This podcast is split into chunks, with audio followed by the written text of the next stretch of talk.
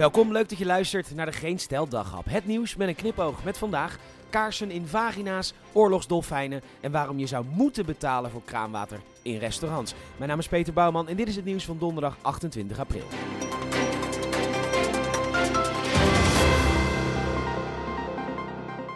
Johan Derks heeft in zijn jeugd dus een kaars in een stom dronken vrouw haar vagina gestoken. Ja, we hebben allemaal wel eens dingen gedaan waar we niet trots op zijn, maar het was natuurlijk een andere tijd, wordt dan gezegd. Ik heb mijn tante Leen maar even gebeld en die werd in de jaren 70 vaker wel dan niet wakker met een kaars in de kut, zei ze. Sterker nog, de avonden dat ze niet wakker werd met een kaars in de kut, die vond ze moeilijker, voelde ze zich niet gewaardeerd. In navolging van actrice Gwyneth Paltrow, zij heeft een kaars op de markt gebracht die zou ruiken naar haar vagina. Wij komen met de snor, een kaars die ruikt naar de snor van Derksen. Ja, ik heb hier het eerste exemplaar, officieel momentje. Dankjewel. We steken hem aan en het ruikt inderdaad naar tabak, gehakt staaf en, even goed ruiken.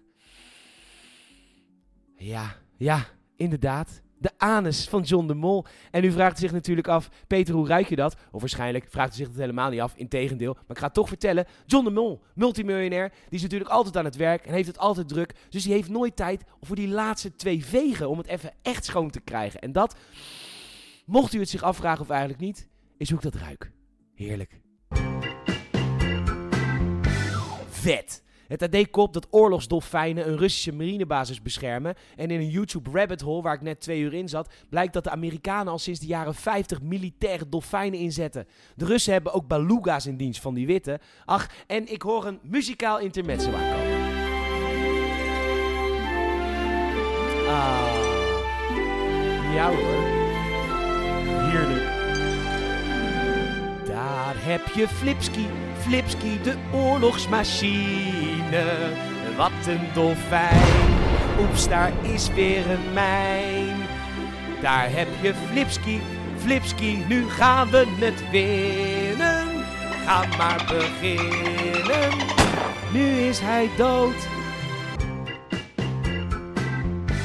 In Spanje is een wet aangenomen die bepaalt dat kraanwater gratis moet zijn in restaurants. En ik weet dat ik me zeer onpopulair maak bij 94% van de Nederlanders. Maar dat is de grootste onzin en minachting van het personeel mogelijk. Want het moet worden ingeschonken, weggelopen en afgewassen. En dat moet de restauranteigenaar dan maar even helemaal voor niets doen. De volgende stap is, als je even lekker een avondje uit wil, neem je zelf je slaafwinken, celavita, patatas, bravas, extra kruimig en hak doperwten mee. Je vraagt de kokken te bereiden voor niks, want het eten kost de restauranteigenaar ook geen geld. Ja, laten we de Coca-Cola ook lekker voor inkoopbedrag nuttigen. Als je een avondje goedkoop wil genieten, dan drink je toch lekker thuis een glas kraanwater, droog kaakje erbij, pak wijn, even lekker genieten van het leven en het feit dat je een euro hebt bespaard. Bij het AD geven ze tips voor het houden van een sollicitatiegesprek. Niet echt handig in deze tijd. In deze arbeidsmarkt is het hebben van een hartslag eigenlijk al voldoende. Maar goed, een van de tips: zie je eerste sollicitatiegesprek als een soort date. Ah, hi, hallo, hi, hoe is het? Ehm, eh, ja. hey, kom ik hier vaker? Of nee, jij, jij, ik hier vaker? God voor Jezus, kut. Ja, weet je, eh. Ik zie, zie mezelf nog alles een uh, 6,5, 6,7 misschien wel. Maar ja, Jezus Christus. Wil je neuken? Nee. Um, heb je hobby's buiten neuken? Of nee, godver... heb ik de baan?